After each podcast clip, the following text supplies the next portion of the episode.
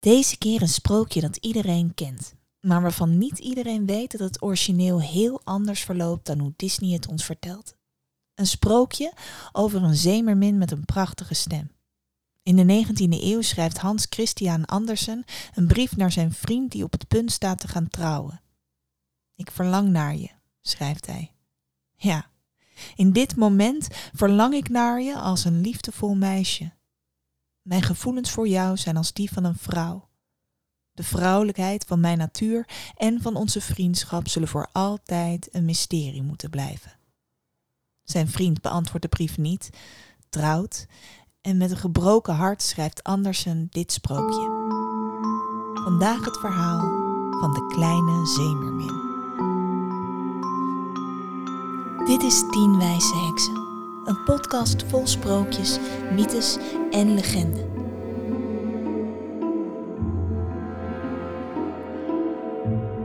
Er was eens een meisje met heldere blauwe ogen.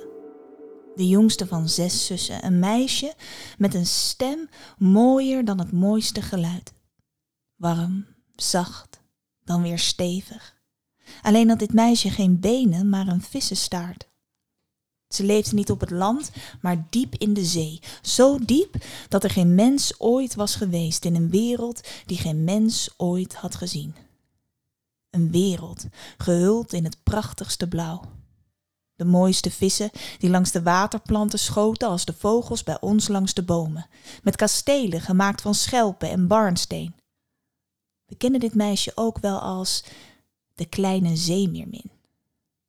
De kleine zeemermin leefde met haar zussen, haar vader de zeekoning en weduwnaar en haar wijze oude oma. Het was de oma die vooral voor de meisjes zorgde. Op haar staart droeg ze wel twaalf oesters, zodat niemand zich kon vergissen wie de meest wijze persoon hier in de diepte was. Iedere zus had een eigen tuintje achter het paleis waar ze woonde en iedere zus verbouwde daar haar lievelingsbloemen.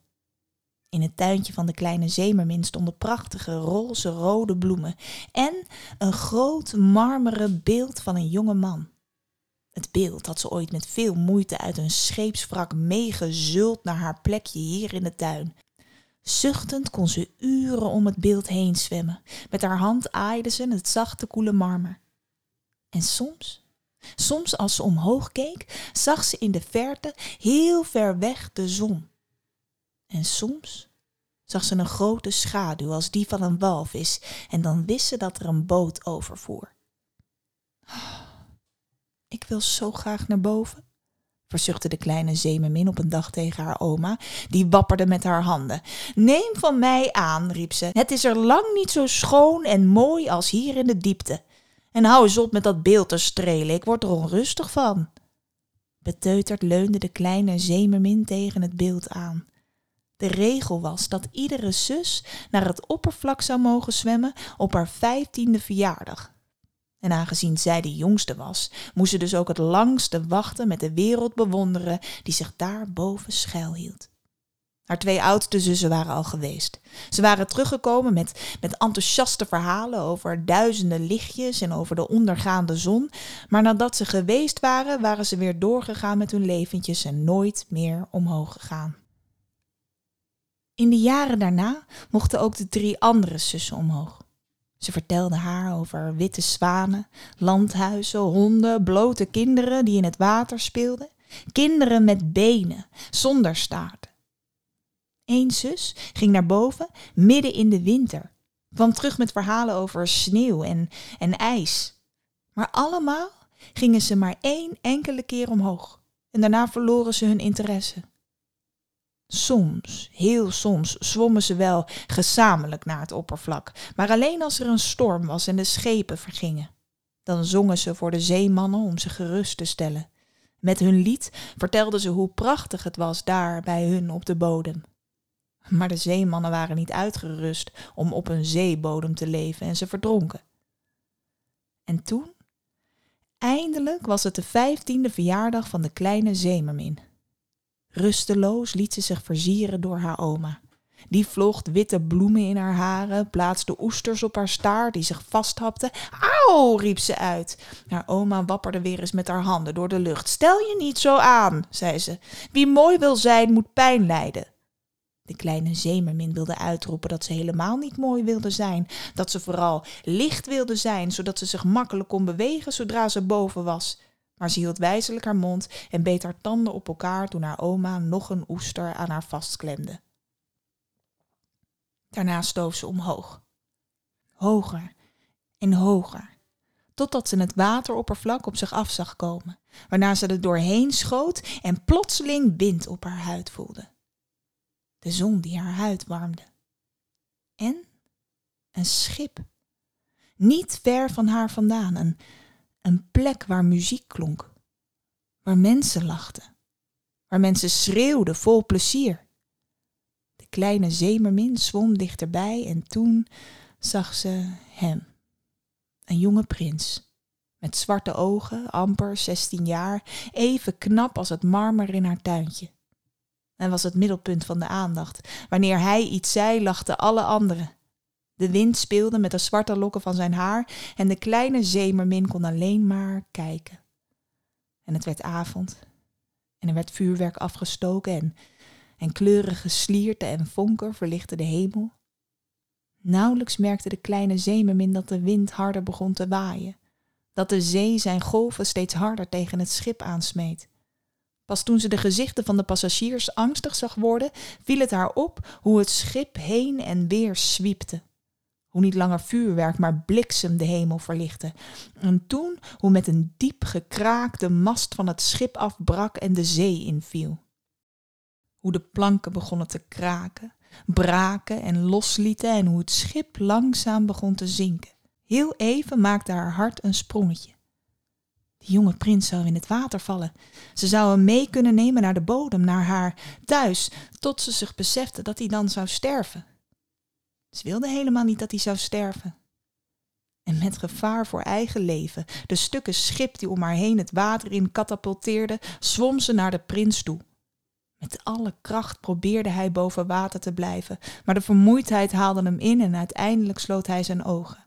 Net op het moment dat de kleine zeemermin hem bereikte.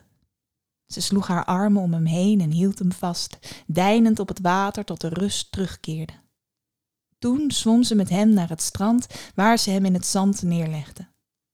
Al snel hoorde ze stemmen en vlug verstopte ze zich tussen de golven.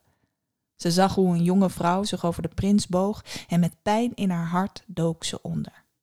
De weken daarna was de kleine zeemermin diep ongelukkig. Had ze kunnen huilen, dan hadden de tranen over haar wangen gelopen, maar huilen omringd door water bestaat niet. Uiteindelijk ging ze naar haar wijze oma. Oma, vroeg ze voorzichtig, als een mens niet verdrinkt, blijft hij dan voor altijd leven of of sterft hij uiteindelijk net als wij? Haar oma keek haar verbaasd aan. Jij en je obsessie voor de mensen, pruttelde ze. Maar goed, ja, ze sterven net als wij. Dat wil zeggen, niet helemaal zoals wij. Wij kunnen wel 300 jaar worden, zolang redden de mensen het zeker niet. Maar de mensen hebben een ziel. En de ziel is onsterfelijk, die hebben wij dan weer niet. Wanneer wij sterven, veranderen we in zeeschuim. Maar dat is niet eerlijk riep de kleine zeemermin uit. Waarom heb ik geen ziel, net als zij?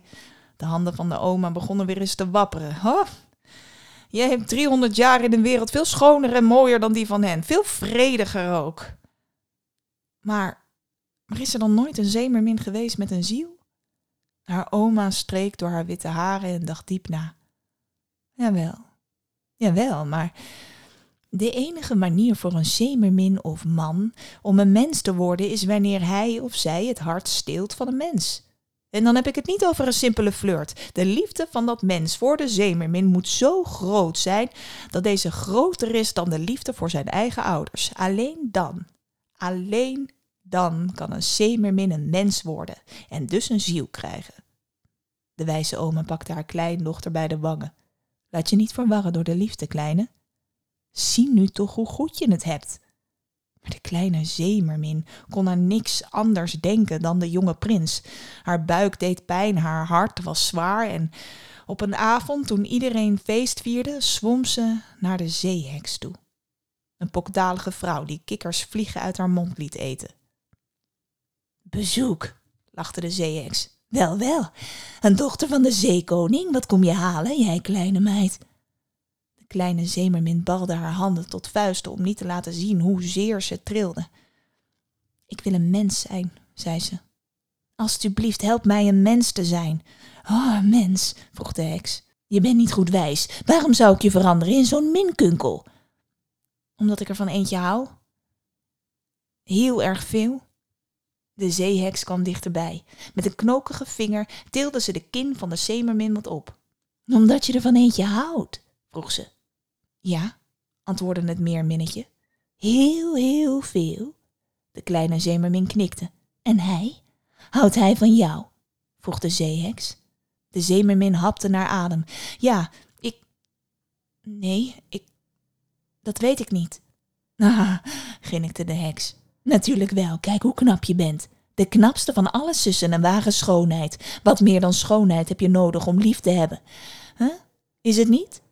Want wat meer dan schoonheid heeft hij immers jou geboden. De kleine zeemermin beet op haar lip en knikte voorzichtig. Misschien. En wat, kleine zeemermin? Wat heb jij mij te bieden? Ik kan je in een mens veranderen, maar daarvoor zal ik mijn eigen bloed moeten geven. Wat is het dat jij mij kunt geven dat het waard is voor mij om te bloeden? De kleine zeemermin bleef stil. Ze had niks, besefte ze zich. Ze voelde zich zo dom. Ze was gekomen met niks om te geven. Misschien, zei de heks, kun je mij je stem schenken. Mijn stem? De mooiste stem hier in de diepte, wordt gezegd, pruilde de heks. Maar zonder stem, de kleine zeemermin keek paniekerig op. Wat? Kan je hem niet veroveren? Vroeg de zeeheks. Oh, kom op, kijk naar jezelf. Wie verdrinkt er niet in die ogen? Ik zal jou de mooiste benen van het land geven. Iedere stap zal voelen alsof je op messen stapt. Dat is nu eenmaal hoe het werkt. Maar men zal naar je kijken en geloven dat ze nog nooit iemand hebben aanschouwd die zich zo bevallig voortbewoog. De kleine zeemermin knikte. Ze had niks anders te ruilen. Goed, zei ze. Neem mijn stem. Hm, maar weet wel, ging de heks nog even door, dat als hij niet van je zal houden, dat je zult sterven. Nee, dat is niet aan mij, hè. Het zijn de wetten van de zee. Jij zult sterven de eerste ochtend nadat hij trouwt met een ander. Wil je werkelijk dat risico nemen? De heks haalde een klein, scherp mes uit haar zak. De kleine zeemermin knikte opnieuw. Ze wist het zeker. Ze stak haar tong uit en de heks sneed deze behendig af. Het water om haar heen begon te kolken, duwde haar omhoog richting het oppervlak. Ze kon haar ogen nauwelijks open houden, zo, zo moe was ze. Ze viel in slaap. En toen ze weer ontwaakte, lag ze op een marmeren trap en over haar heen gebogen stond de prins. Op dat moment besefte ze zich dat ze poedelnaakt was en, en vlug verstopte ze zich onder de lange lokken van haar haren. Hé, hey, kleintje, zei de prins. Waar kom jij nou vandaan? De kleine zeemermin schudde haar hoofd en wees naar haar keel. Ah, je kan niet praten? vroeg hij. Ze knikte. Ik neem je mee, zei hij. Ik neem je mee naar mijn paleis en dan zorgen we voor je. Alles komt goed, oké? Ik vind jou nu al lief. Je bent zo mooi, zo schattig, zo klein de kleine zeemermin werd meegenomen naar het paleis en de prins zorgde inderdaad voor haar. De mooiste jurken liet hij voor haar maken. Hij nam haar mee waar hij ook maar heen ging. Hij knuffelde haar, streek door haar haren, vertelde haar hoe blij hij was dat hij haar had gevonden. Hij liet haar slapen in een bed in zijn kamer. En op een avond was er een concert. Enthousiast klapte hij voor de beste zangeressen van het land. Zijn ze niet geweldig, kleintje? riep hij uit. Kleine zeemermin beet op haar lip omdat ze wist dat zij beter was. Om zichzelf te bewijzen, danste ze voor hem, hoewel het voelde alsof haar voeten begonnen te bloeden, alsof ze open werd gereten door de messen in de vloer. En iedereen riep uit hoe geweldig goed ze was. De prins nam haar in zijn armen. Je bent de liefste kleine. Ik kan jou alles vertellen. Maar hoe gelukkig hij ook leek te zijn met haar om zich heen, had het nooit over liefde. Soms vertelde hij over het meisje op het strand dat zijn leven had gered. Als ik haar zou vinden, riep hij dan uit, nou dan trouwde ik haar meteen. En de kleine zeemem in haar hart huilde. Ze wilde schreeuwen, ze wilde hem door elkaar schudden, hem indoen laten zien dat zij het was die zijn leven had gered. En toen kwam de dag dat de prins naar een stad verderop zou reizen om een prinses te ontmoeten. Eentje waarmee zijn ouders wilden dat hij zou trouwen. De avond voor het vertrek lag hij in de armen van de kleine zeemermin. Ik weiger, snauwde hij. Ik hoef geen verwende prinses in mijn bed. Ik blijf hier met jou, meer heb ik niet nodig. Maar de volgende dag vertrokken ze. En toen ze aankwamen bij het paleis waar de prinses woonde, kwam een meisje naar buiten gelopen. De kleine zeemermin haar hart stopte met kloppen. Ze herkende de donkere lokken, de groene ogen. Het was het meisje dat zich over de prins had gebogen op het strand. En dat was het moment dat ze wist dat ze zou sterven. Het huwelijk vond niet lang daarna plaats en diezelfde avond nog stapte het bruidspaar op een schip. Kijk, riep de prins naar de kleine zeemermin, hoe prachtig om terug te keren naar de zee. Naar de plek waar zij mij uit heeft gered. Ben je niet blij voor mijn kleintje? Die nacht stond ze op het dek en ze huilde. Niet langer in de zee konden haar tranen over haar wangen stromen als rivieren. Ze voelde hoe haar lichaam zich verzette, hoe de dood langzaam dichterbij kwam toen plotseling haar vijf zussen aan het wateroppervlak verschenen. De kleine zeemermin bekeken met verwarring. Stuk voor stuk waren ze hun prachtige haren kwijt. Vrees niet, lief zusje, riep de oudste. En ze hield een kleine dolk omhoog. Precies dezelfde dolk waarmee ze maanden eerder haar tong was verloren. We zijn naar de heks gegaan. We hebben je kunnen redden. We ruilden onze haren voor een kans. Het enige wat jij hoeft te doen is deze dolk in het hart van de jonge prins te steken. Doe dat en je mag terugkomen bij ons. Doe dat en je leeft 300 jaar. Het enige wat ik hoef te doen, zei de kleine Semermin. Trillend nam ze de dolk aan. Toen ze door de gang naar de kamer van de prins liep, voelde ze de messen niet langer in haar voeten. Heel haar lichaam beefde, haar ademhaling zat op slot. Uiteindelijk stapte ze de kamer in bij het kersverse bruidspaar. Uiteindelijk stapte ze de kamer in bij het kersverse bruidspaar. De twee lagen in elkaar verstrengeld, haar hoofd op zijn borst, allebei een zachte glimlach op hun mooie gezichten. En langzaam voelde ze haar ademhaling terugkeren. Ze kon het niet. Ze hield van hem. Ze boog zich over de prins heen en ze zoende zijn voorhoofd. En daarna voelde ze haar lichaam zich oplossen, alsof er een wind door haar heen streek. En toen ze haar ogen weer opende, merkte ze dat ze boven de zee zweefde. Ze was geen, ze was geen zeeschuim. Om haar heen waren andere witte verschijningen, net als zij. Ze was iets anders. Ze was iets dat vrij voelde, uh, koel. Waar ben ik? mompelde ze. Bij de dochters van de lucht, antwoordde een witte wolk naast haar. Een zeemermin heeft geen ziel. Enkel door de liefde van een mens kan ze er eentje winnen. Wij hebben ook geen ziel, maar wij kunnen er wel eentje krijgen door goed te doen. Door koelte te brengen op het hoofd van een koortsig kind. Door bloemengeur te verspreiden en genezing te brengen.